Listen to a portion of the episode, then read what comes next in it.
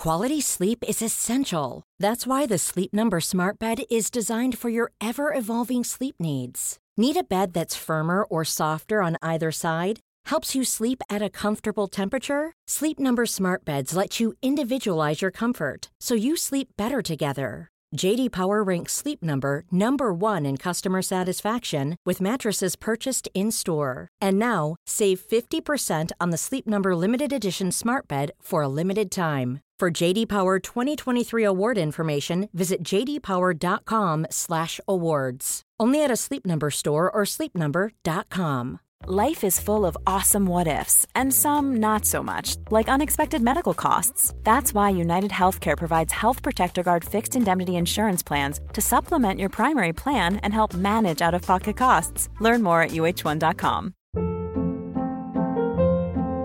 Hold up. What was that? Boring. No flavor. That was as bad as those leftovers you ate all week. Kiki Palmer here, and it's time to say hello to something fresh and guilt-free. Hello Fresh. Jazz up dinner with pecan-crusted chicken or garlic butter shrimp scampi. Now that's music to my mouth. Hello Fresh. Let's get this dinner party started. Discover all the delicious possibilities at hellofresh.com.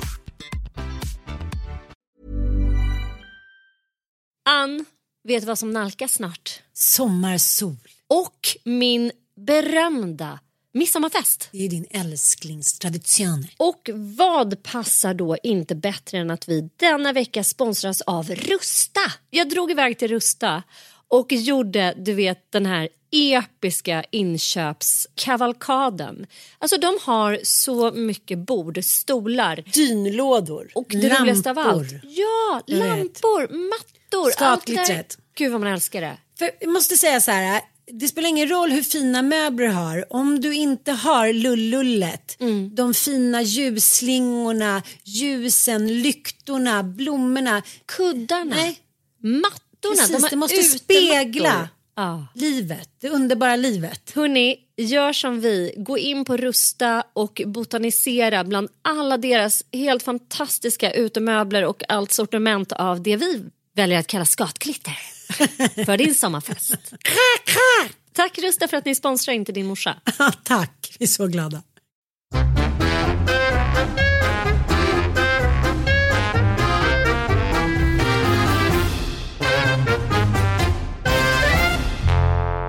Hej och välkomna till podden Inte din morsa med mig Sanna Lundell och Med mig Hans Södlund. du spelade precis upp ett litet klipp här för mig som du tyckte var väldigt roligt och väldigt talande. Vi kanske också ska sä- säga att anledningen till att vi pratar om klippet är att vi är nu i juletider. Det är lite juledrinkar. eh, Men det är lite kvinnor som ska get together. Eh, Det är, det är både kvinnor som ska get together men det är också kvinnognäll deluxe på samtliga sociala medier-kanaler. Det är ju liksom trendigt att eh, kartlägga julen som en enda stor börda. Våran älskade Charlotta Björk hon har gjort en eh, julkalender där hon varje dag då eh, ger oss en liten sång på temat hur jävla jobbig julen egentligen är. Typ. Ja, där är Mm. Ska vi börja exempel. med att lyssna på, på henne då? Ja, det kan vi göra. Jul, jul, strålande jul. Säg mig vad exakt är det som strålar? Är det mor i stugan och svetten som lackar när hon tillagar död gris i sina finaste klackar Är det faren och hans skägg och hans förbannade ägg som ska kokas korrekt? Yeah. Är det barnen och deras skrik och gap och bortskämda tjat borde slängas ut direkt?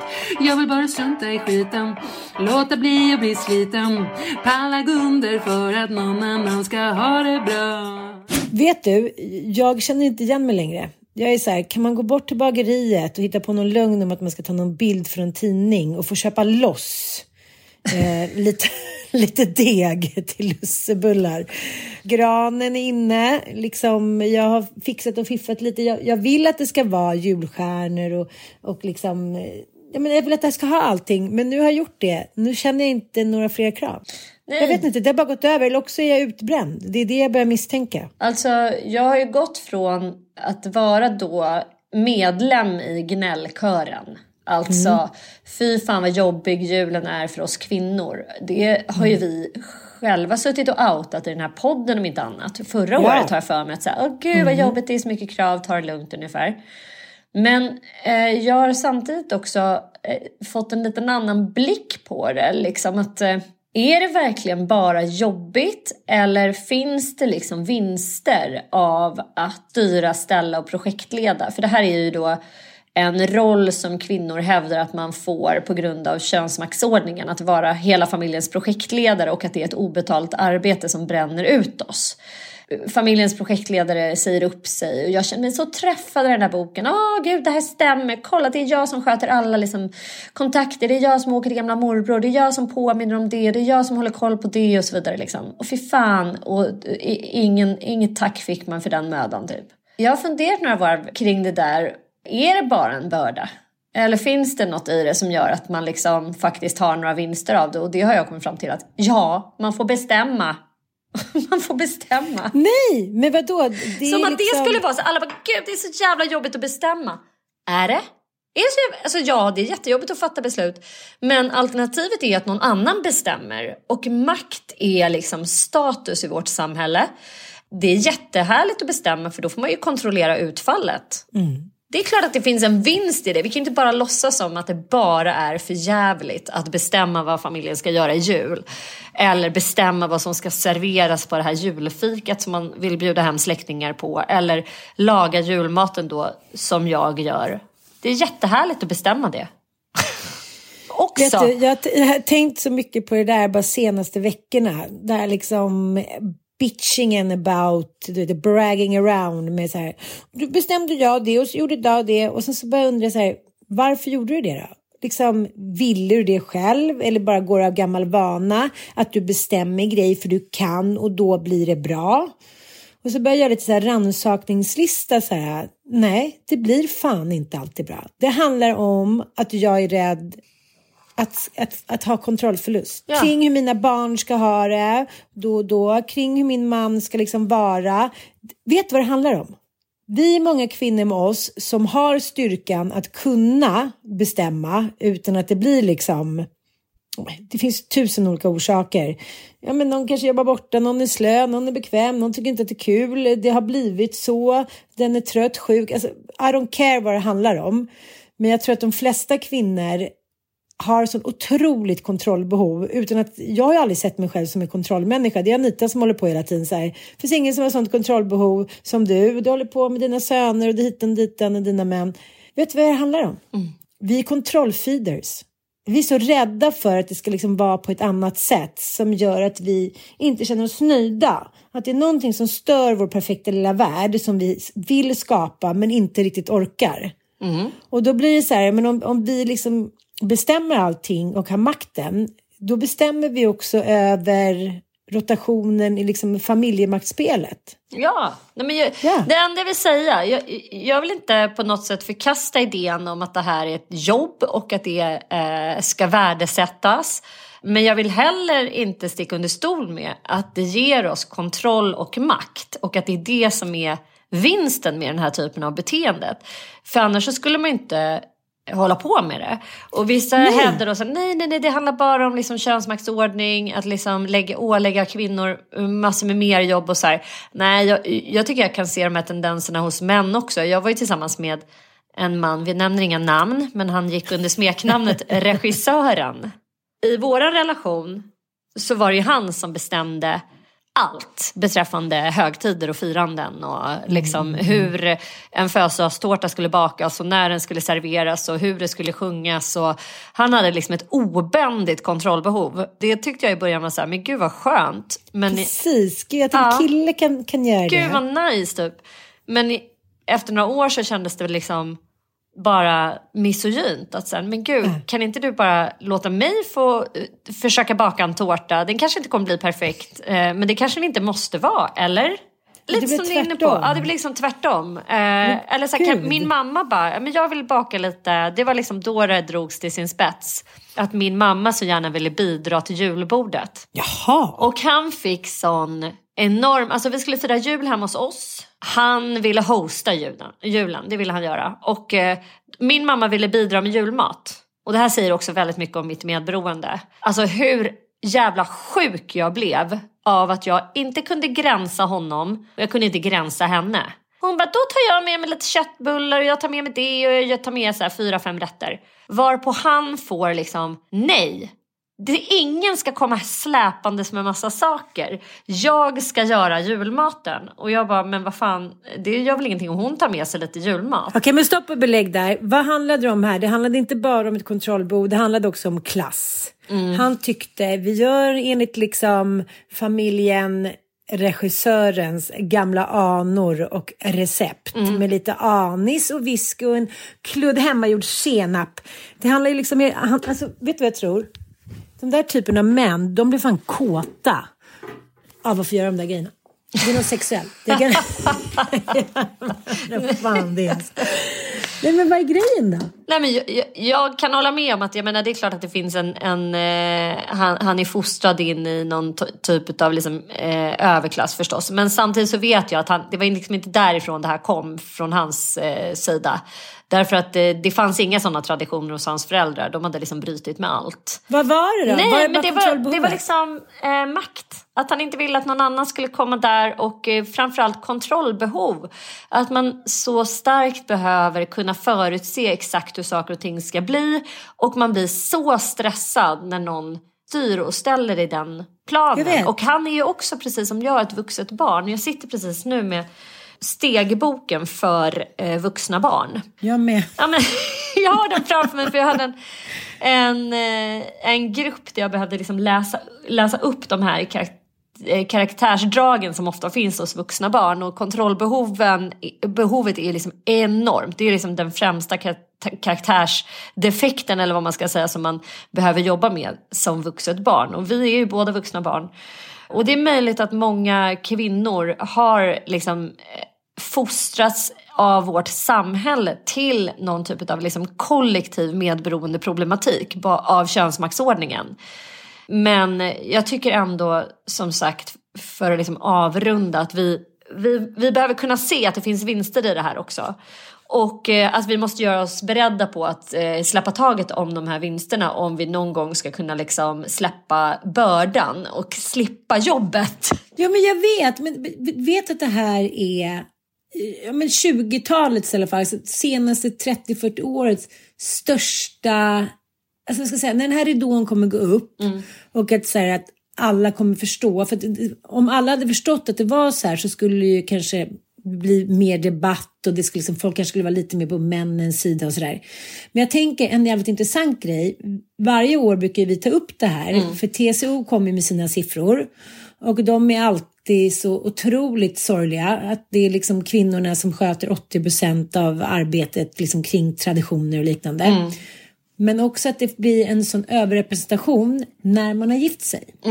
Och då tänker jag också så här, när kvinnor har fått gå till altaret och nu är det klart, nu är de trygga och settle down.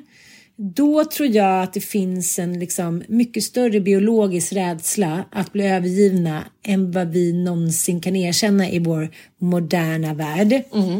Och då tror jag liksom för att det blir så liksom flagrant höjning. Den är så liksom Den är obegriplig, man kan liksom inte förklara den på något annat sätt. Nej, den är bara så här, jaha, 96 procent av alla gifta snubbar bara sätter sig på arslet och drar liksom en julrunk, eller vadå? Alltså det är liksom... ja men älskling, jag kommer ihåg den där låten som pappa brukade spela för mig eh, eh, när jag var liten och skulle åka upp till fjällen. Vi kan lyssna lite på den. Så peta in en pinne i brasan. Hämta ett par öl och revbensspjäll. Tanka bilen, rensa ur förgasaren Lappa Rappa mina jeans så är du snäll. På min älskling Stoppa pipan, hämta mina tofflor. Tack för kaffe blev det kvar till dig. Peta in en pinne i brasan älskling Förklara varför du vill lämna mig de flesta män som jag träffar eh, sitter ju inte och liksom petar sig i röven och eh, framför brasan. Jag tror att det handlar också om en enorm osäkerhet hela tiden, där, att det inte ska bli som vi har tänkt oss. Och jag tror att det är mycket mer traumatiskt för många män än vad vi kan föreställa oss. Att det är så här, nu kommer vi inte bli nöjda, nu ska jag köpa en födelsedagspresent, nu ska jag hit och ditan. Att det handlar om liksom att vi kan inte släppa taget om det där och sen framstår det då i de här liksom rapporterna och statistiken att män bara är några riktiga jävla slabbislobbisar. Att de är bara liksom lata as som mm. Göttar sig och latar sig på en stackars kvinnas bekostnad.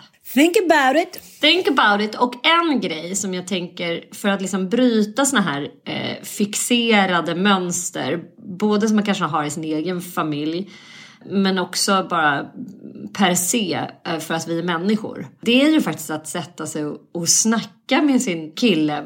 Vad vill vi egentligen göra i jul? För jag tycker ofta att jul också är bara så här, den bara blir.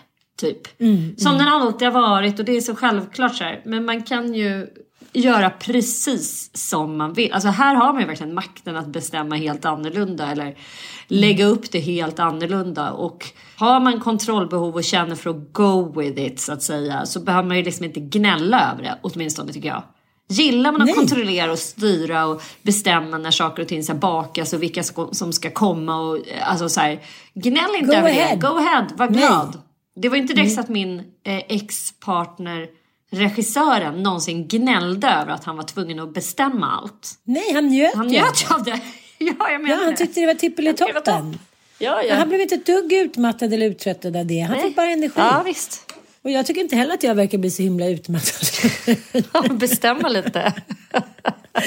Nej, men jag eh, spelade också upp eh, det där klippet då som eh, du pratade om i början. Mm jag kan också tänk, känna att det är liksom lite talande om kvinnor. Att det är så här, när killar är unga, som är den här nya forskningen, de är ju så, här, så oroliga för att kvinnor har så mycket bättre betyg, för att kvinnor är så starka. Så en ny generation unga män tycker liksom att kvinnorna går in och förstör deras karriärmöjligheter. Mm de känner sig hotade. Liksom. Jämlikheten och jämställdheten är nere på liksom historiskt låga nivåer i hela Europa. Vilket känns så här, äh, som en hovnarr som bara skrattar omkring när vi tycker så här, nästa generation snubbar, alltså vilka rekordkillar det kommer bli. Alltså, det är ja. nagellack och feminism och de kan tänka sig sig tillbaka. Ja, transa, bibliotekarier och ja, hela skiten. Mm. Så bara, nej.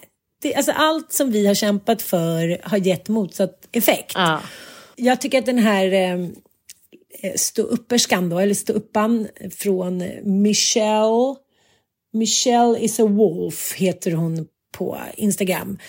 Hon eh, menar på att den äldre generationens snubbar, de, eh, liksom, de känner sig inte särskilt oroliga längre när kvinnor ska organisera sig för de tänker att det ändå slutar så här. But also what a stereotypical female thing to do. Women want other women to be perfect. And it's crazy because I know you can settle. I've seen your husbands. it's why I worry that women will never get ahead. We're more than half the population. We could take over, but we're our own worst enemy. We're never good enough for one another. We're always tearing each other down. Like you could see, as soon as women started to organize, you could see some men get nervous. they were mostly younger men. They were like, women, they're organizing. But older men knew. Older men were like, yeah, don't worry. It's to fall apart. no, believe me, my wife's been in nine book clubs. We're not even allowed to drive down a street of a lady she doesn't like. Okay, that one might be because I fucked that lady. That's maybe. but she did forgive me and not her, so. Jag vet inte, vad säger du? Eh, att det här kanske går hand i hand med det där att vi kommer ändå aldrig släppa makten eller kontrollbehovet så att, och vi kan inte dela det med någon. Det här med att vi är så himla systerliga och liksom medgörliga med våra väninnor då stämmer inte det heller liksom. Till en viss nivå. Me, myself and I. Nej, ja, jag vet inte. Jag, det är också det att vi har liksom aldrig testat. Jag och min gamla barndomsbästis, vi var på en konsert igår i Nacka Aula. Det var så här julkonsert med Nacka musikklasser. Oh. Ja, det var skitgulligt. Och det var också blandade känslor för mig. För att Jag gick ju själv i Nacka musikklasser och det var där och jag eh, och Karro och Klara och Jossan och alltså alla mina barndomskompisar, man ska säga, vi blev liksom vänner där. Just det. Ja, och vi återbesökte ju nu denna brottsplats liksom som för mig, alltså jag har så dubbla känslor inför det där för att jag eh, blev ju i stort sett tvingad att börja i den här musikklassen. Jag vill inte alls sluta där, jag vill inte alls... Sluta var eh? Nej, jag vill inte alls sluta i eh, min gamla skola och börja i någon ny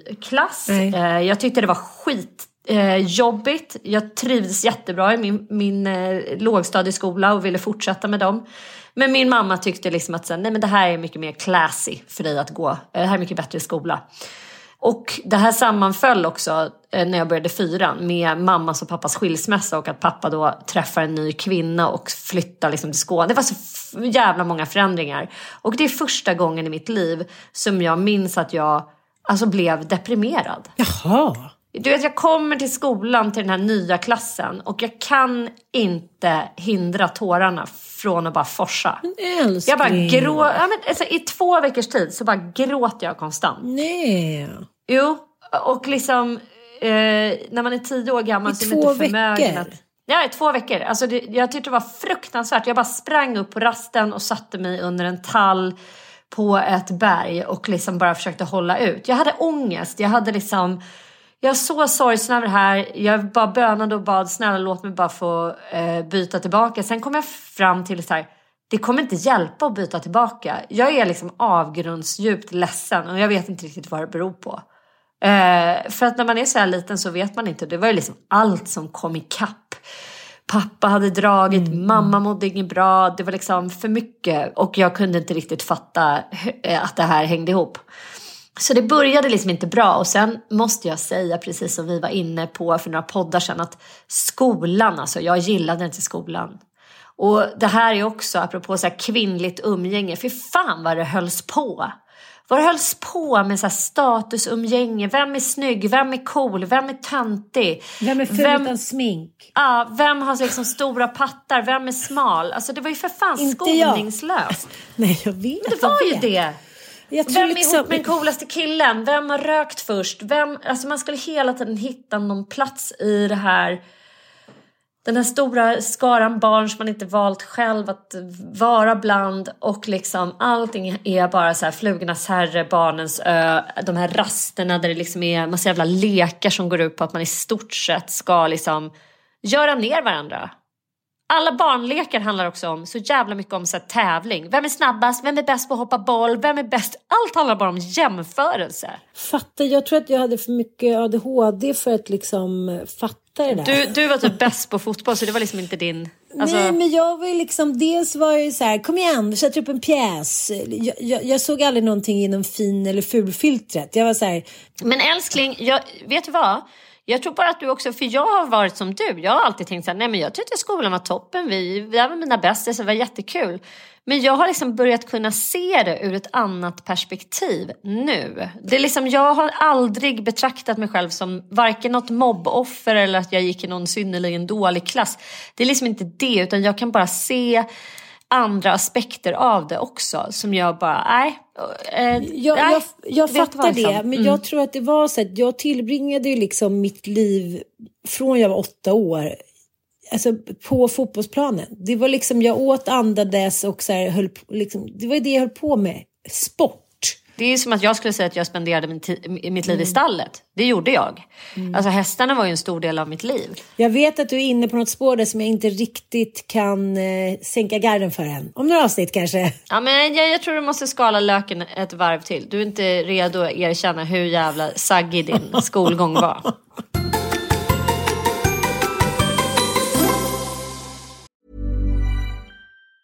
Hey, it's Ryan Reynolds, and I'm here with Keith, co star of my upcoming film, If, only in theaters, May 17th. Do you want to tell people the big news?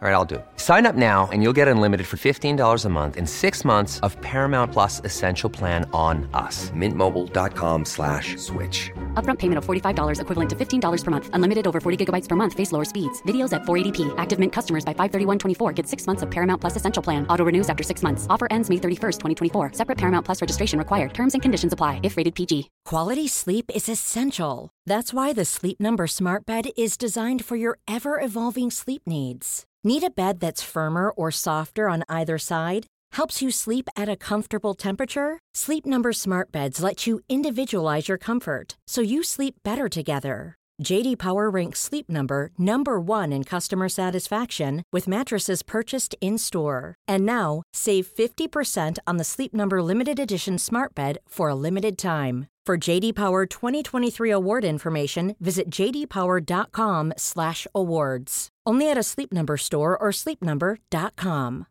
Here's a cool fact a crocodile can't stick out its tongue. Another cool fact you can get short term health insurance for a month or just under a year in some states. United Healthcare short term insurance plans are designed for people who are between jobs, coming off their parents' plan, or turning a side hustle into a full time gig. Underwritten by Golden Rule Insurance Company, they offer flexible, budget friendly coverage with access to a nationwide network of doctors and hospitals. Get more cool facts about United Healthcare short term plans at uh1.com. Many of us have those stubborn pounds that seem impossible to lose, no matter how good we eat or how hard we work out. My solution is PlushCare. PlushCare is a leading telehealth provider with doctors who are there for you day and night to partner with you in your weight loss journey. They can prescribe FDA-approved weight loss medications like Wagovi and Zepbound for those who qualify. Plus, they accept most insurance plans. To get started, visit plushcare.com slash weight loss. That's plushcare.com slash weight loss. Ja, men du, eh, vi har ju eh, fått, vad ska man säga, en eh, syster i eh, pojkmammaskap. Mm. Mm. Eh, Anna Björklund har ju precis gjort en gender reveal i sin senaste krönika i Aftonbladet. Ja, hon ska ju vänta ju sitt fjärde barn som då jag tänker blev en pojke. Mm, det, precis. Ja. Och eh, vet du vad som jag tycker har hänt de senaste tio åren?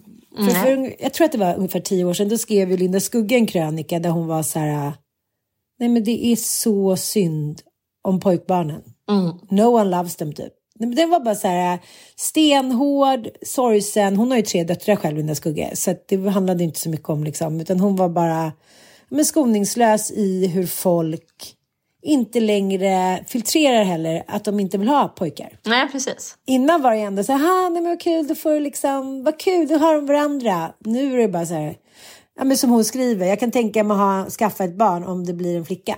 Mm. Liksom, det är helt absurt Nej, men det, är- det är helt så. legio att uttrycka sig så. Liksom. Ja, och liksom, Ja. det är ju sån könsbiologisk rasism. Det är så här, då vill inte jag ha det. Och För då är, det, då är den en sån viss typ, nu ska jag mäta könet. Alltså det är ju samma, det är ju rasbiologi. Vi är så benägna att kritisera Indien som eh, gör liksom köns, könskollar foster och Kina. aborterar liksom, ja, eh, flickbarn för att man absolut då vill ha, ha, ha en pojke. I synnerhet i Kina då där man har en enbarnspolitik. Eh, politik. Men i Sverige så är det ju helt liksom okej att åka och skramla så att man får en flickbebis. Ja. Men jag ville det. Jag behövde få en flicka liksom. Mm, Man bara, jag förstår. ja, det är så här, det är på samma sätt som man liksom, det visar sig ny forskning att nu är det mycket kvinnor i mycket högre utsträckning som är otrogna än män. Och jag har aldrig hört en tjej som har varit fördömande när någon har varit otrogen.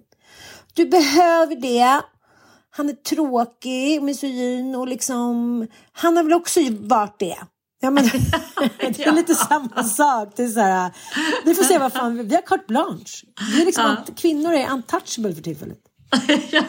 är det inte så älskling? Gud vad vi kommer få så hårt mycket hat här nu av Varför? fellow feminister, feminazis. Nej men nej, ja, ja, ja, därför att så här, Nej, men det kommer vi. De, de avskyr liksom att man lyfter det. Men det, det, det får de tycka. Jag tycker att eh, vi måste kunna liksom lyfta den här typen av perspektiv också.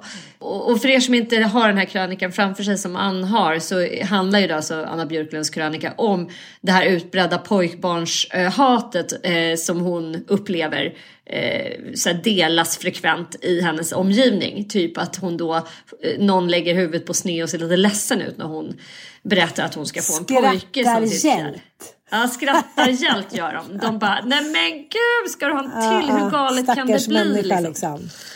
Hur tänker du som då erfaren fembarns, fempojksmamma? Har du liksom, har du råkat ut för det där pojkbarns...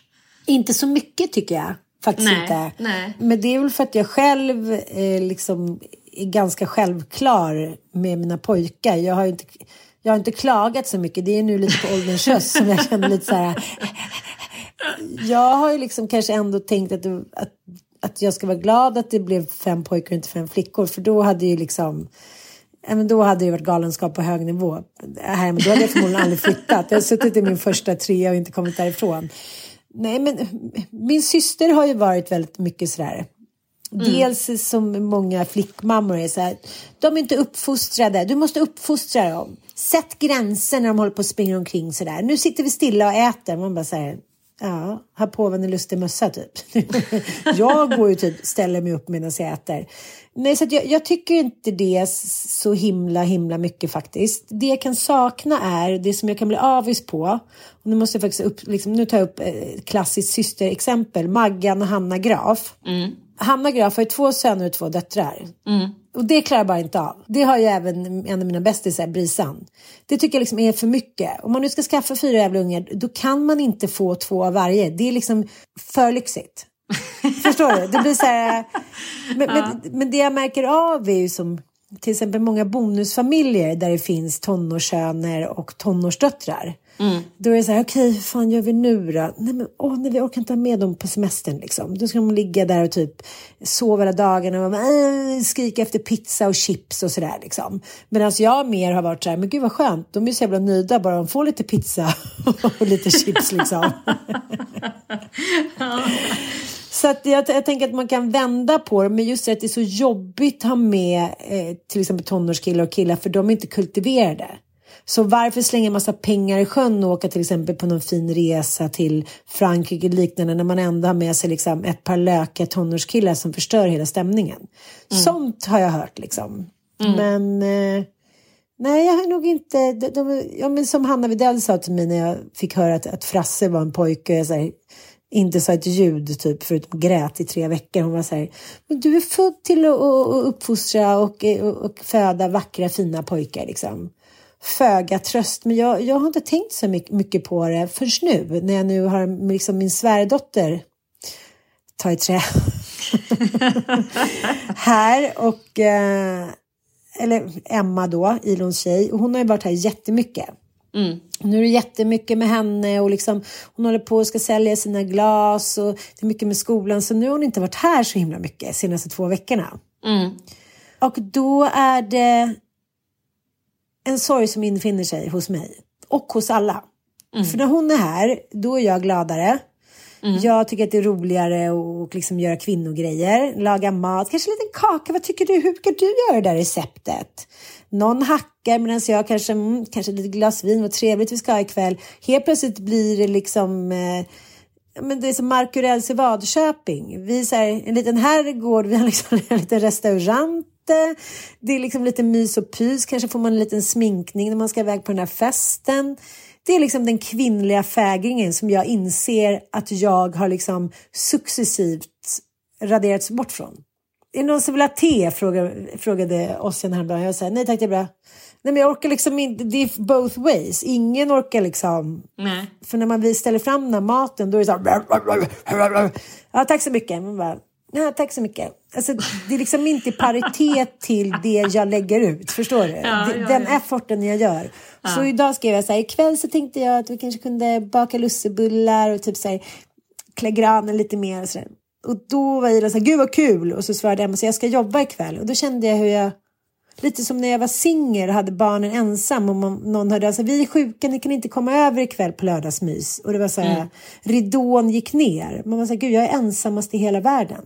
Så att för mig har det varit på gott och ont att hon har kommit in i vårt liv för att det har också öppnat öppnat upp ögonen på sig som när man är i en relation och sen så träffar man en ny kille som så här, tycker att man är toppen. Man bara, men gud, det där har inte jag fått på liksom så många år. Ingen har bytt om. men jag är ändå ganska nöjd med mina pojkisar. Det är ju väldigt stor skillnad, det måste jag liksom erkänna jag ser på, på Olga. Hon vill ju bara fortsätta gegga in sig i problem och prat och fixelitricks.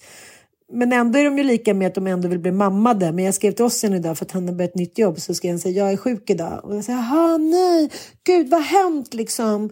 du är sjuk. Han bara, vi behöver inte prata liksom, exakt om allting. Jag är hos pappa nu. Men det, jag, jag framställer allting som att det har varit, skett en jordbävning. Men om, om Emma eller du eller någon kompis, tjejkompis skulle här, ah, jag, jag är sjuk idag. Så här, Jaha, okej, krya på dig. Jag vet inte vad jag ska säga faktiskt. Men eh, jag tycker att det är ganska hemskt faktiskt. Och jag vet inte om den här jävla statistiken hjälper som varje år ska basuneras ut. Så här. En av tre killar kan inte lära sig läsa. 99 procent av alla som... eh, Mörka siffror. Ja, som så här, får diagnos är killar, fast det inte är så. Killar våldtar, slår, eh, tar inte... Ja, den nya då som jag fick upptryckt i ansiktet på Gotland i somras. Att liksom inga, inga pojkar tar hand om sina föräldrar när de är äldre. Mm, den är mysig också.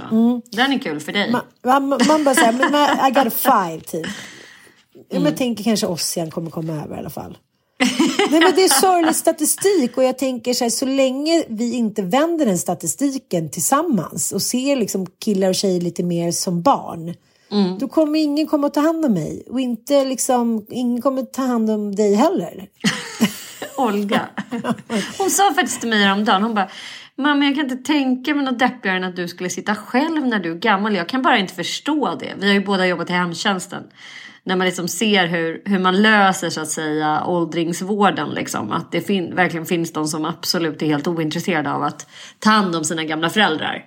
Som kommer att hälsa på dem en gång om året kanske. That's it. Och det är klart att det måste finnas jättemycket liksom dysfunktionalitet och sorg och sånt bakåt som kanske gör att det här barnet inte är så motiverad att ta hand om just den här föräldern. Men det är också som, som du säger så är det ju tydligt då eh, könsbundet ty, liksom så. Och att det å, har ålagts alla kvinnor att, att eh, genom tiderna liksom ta hand om gamlingar och bebisar typ. Nej, men eh, jag vet, just liksom den statistiken, all statistik känns jävligt tung när man liksom har, har fem söner. Och det är väl det där, den där närheten, att man går in i varandras liksom blodomlopp lite med tjejer. Det ser jag ju tydligt överallt, just för att jag kanske är extra uppmärksam för att jag inte har det. Men så tänker jag så här, jag och Ossian, vi är liksom metafysiskt samma person. Jag, vet tror inte- precis vad han ska ja. säga, jag vet precis vad jag ska säga. Han är så här, okej varför gick du igång nu då? Jag bara, vad fick du? Mm, okej. Så att, jag vet inte, jag tror att det handlar om vad man har själv för inställning till barnet också. Det har hänt mycket eh, senaste veckorna, eller det har inte hänt någonting kanske. Hur menar du? Nu talar du tungomål här. Berätta. Nej, men jag, jag pratar faktiskt om, eh, om Margot Gate. Ja, Margot Gate. Margot Ditz som ju har blivit cancellerad då av de flesta av eh, eh, sina eh, samarbetspartners. Eh, enormt mycket hat har hon fått utstå eh, och hon har ju tappat enormt många följare. Allt som ett svar på att hon la ut en film på Youtube där hon låter sin son gå ut till en man som ligger i hennes trapphus avdomnad, svimmad, vad säger man, eh, liksom stupfull typ. Ja, alltså nästintill red, alltså medvetslös. Ja. Han har ramlat. Han har ramlat och eh, liksom landat utanför Margaux dörr och hon gör då en som hon själv bedömer rolig video där hon är såhär oj vad är det som ligger här ute och så skickar hon fram sin femåriga, femåriga son eh, för att liksom peta på den här mannen. Och så är det klippt lite så här som ett humorklipp. Så här, Gud vad knäppt, vad är det här? Oj, han var lite packad och däckade här. Hehe, typ. Och det här har ju då människor eh, rasat över. Att det här är liksom så djupt oetiskt. Det här är liksom att avhumanisera en människa. Att hon utsätter dessutom sin son för fara för man har ingen aning om vad det här är för person. Så hon har ju liksom polisanmälts, hon har eh, SOS-anmälts, eh, hon har som sagt blivit cancellerad av flertalet av, alltså i stort sett alla hennes då stora samarbetspartners som influencer har ju bara gått ut och proklamerat att de tycker att eh, Margot är liksom amoralisk och att de inte vill ha någonting med henne att göra. Jag så tycker bara att det var så himla kul att höra de här eh, företagen som har cancellerat henne. För de pratar mycket om värderingar. Det är en värderingshets där ute nu som utan dess like.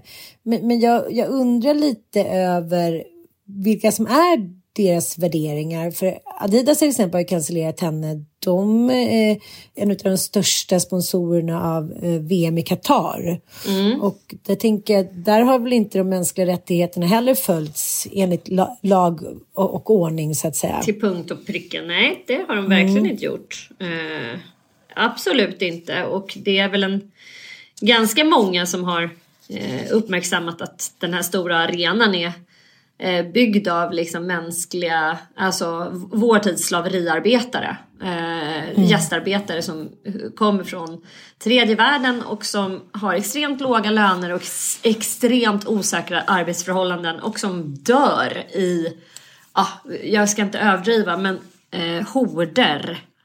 Och det vann ju Martin Schibbe stora eh, journalistpriset för nu tillsammans med Britt Staksson. Att de gjorde som sådana här fotbollskort fast på eh, gästarbetare som har byggt upp de här arenorna. För liksom en nytänkande form av journalistik. Det tyckte jag var skitspännande. Så ja, alltså vad är liksom den här moralismhetsen att alla företag ska, ska vara så jävla renhåriga? Ett sätt att liksom flytta fokus också från sin egen då eh, kapitalistiska rätt skabbiga verksamhet. För ja, Ja, men jag tycker det finns, det finns så många aspekter. Alltså det, finns, det har funnits ett sånt massivt intresse för eh, den här videon. Liksom, det finns ju inte en enda liksom, journalist eller debattör with a good name som inte har lagt sig i den här eh, videon. Och jag tänker Caroline Ringskog Ferrada-Noli, hon eh, skriver ju då beskriver att det handlar liksom inte om att vi är avundsjuka på de här smala, bruna, perfekta brudarna, influencerna, utan det är liksom ett tecken på samtiden, på så här, politiken, på ja, men du vet, den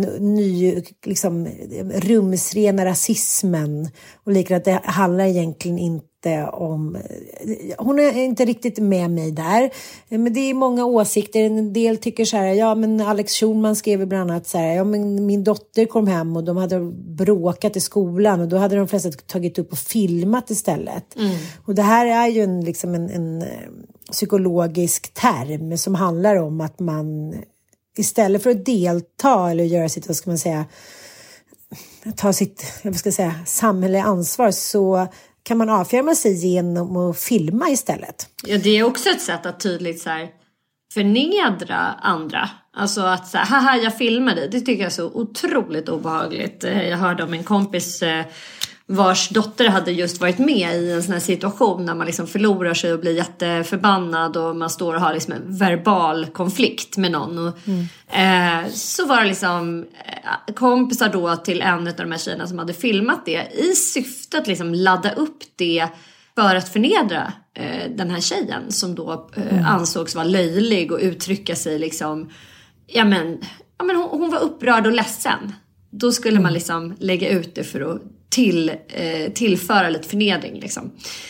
Otroligt Jag tycker, obehagligt. så, ja, jag tycker det är svårt också för att många influenser använder ju, man, man liksom använder andras klipp då. Till exempel men allt från att så här, man filmar tjocka tanter som åker på ett fordon till eh, män som har liksom eh, jag menar, byxorna som man ser halva röven och liknande. Och det gjorde, har jag också gjort några gånger. Man säger, okej fräscht, liksom sitter här och skrevar på bussen utan tröja. Så här, bara spare me, spare me, liksom såna grejer. Men jag har tänkt på det så himla mycket senaste året att så här, nej men vem är jag att förnedra? Ska någon till exempel förnedra mig då om jag inte vet jag, mår dåligt eller liksom sitter och gråter på tunnelbanan. Det skulle jag säga, det är ju att övergreppa någon och även om man gör det under flaggan det är roligt. Jag tycker hon, hon är cool. Hon vågar vara sig själv.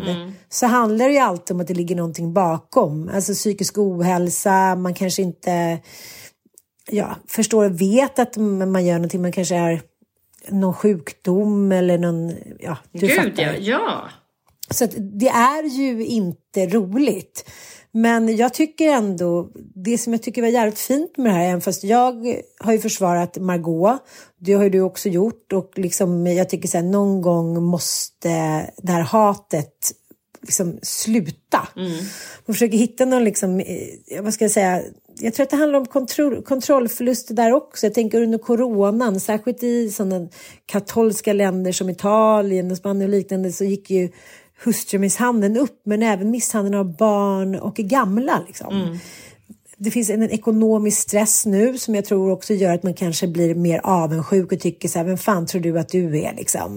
Där sitter du i din feta vindsvåning och så här, huvuden ska rulla, huvuden ska rulla. Att, att, att det handlar om mycket mer, det, har- det är krig, eh, det är- det är oro för framtiden. Någonstans måste ju den här kontrollförlusten sticka, sticka ut på något sätt. Och jag tänker att det kanske var en av anledningarna till att hon också, att alla gått in i lite bubblor nu. Man, man ser inte liksom mänsklighetens, man ser dem mycket mer som vi och dem än vad man gjorde för ett tag sedan. Liksom. Då var det vi på ett annat sätt. Och nu är det, och om man tänker vi och dem, eh, som det också är mycket politiskt, då är det ju inte lika farligt att se ner på den lite granna. Nej, precis. Att så här, försöka skapa någon typ av fiendeskap. Då är det liksom okej att racka ner på och bete sig illa. Mm, fortsättning följer. Jag tycker det ska bli spännande att se. För eh, vi var ju inne på det i podden att jag, vi, vi vet ju liksom vil- vilket fullblodsproffs Margot ändå är. Eh, jag är lite förvånad att hon inte har lyckats eh, tvätta av sig den här skandalen. Eh, hon som har så stor plattform, hon som har så enormt stora möjligheter att eh, vända på historien. Hon har liksom ett narrativ som, alltså hon har också ett stort team och ganska mycket pengar. Jag tycker det är lite absurt eh, att det liksom står så stilla. Att hon inte har lyckats få folket att, att vända på något sätt. Eh, Men hon har ju inte ens försökt. Nej, hon har inte ens försökt. Det är det jag menar. Utan hon, har bara, hon kör ju strategin strutsen nu. Att man bara gömmer sig tills det har lagt sig. Och jag tror, till att, jag tror verkligen att det har lagt sig. Jag tror folk knappt ens kommer ihåg vad det var som var så. Vad, vad fan var det hon gjorde? Det, hon filmade en uteliggare. Eller typ, eh, hur var det? Kolla Blondinbella. Ja, ja, ja. Som ljög om liksom köpte följare, ja, köpte, nej, men gud, liksom, nej, ljög om vi har sin helt blogg. glömt bort det. Ja, Ja, helt låg liksom inlagd med elstöts liksom, eh, galenskap. Det är så här, jaha, just det, men det går ju bra för henne. Jag tänker Bianca Ingrosso med sina liksom, ätstörningar, med hur hon har varit mot Pernilla i tv-serien. Det har väl inte varit så himla medmänskligt och liksom varmt alla gånger. Det har ju varit liksom förnedrings-tv på hög nivå. Men, men fan, det är ingen som bryr sig längre. Så här. Ingen vill ta ansvar, alla vill ha cash. Puss och kram, tack för att ni lyssnar. Puss och kram.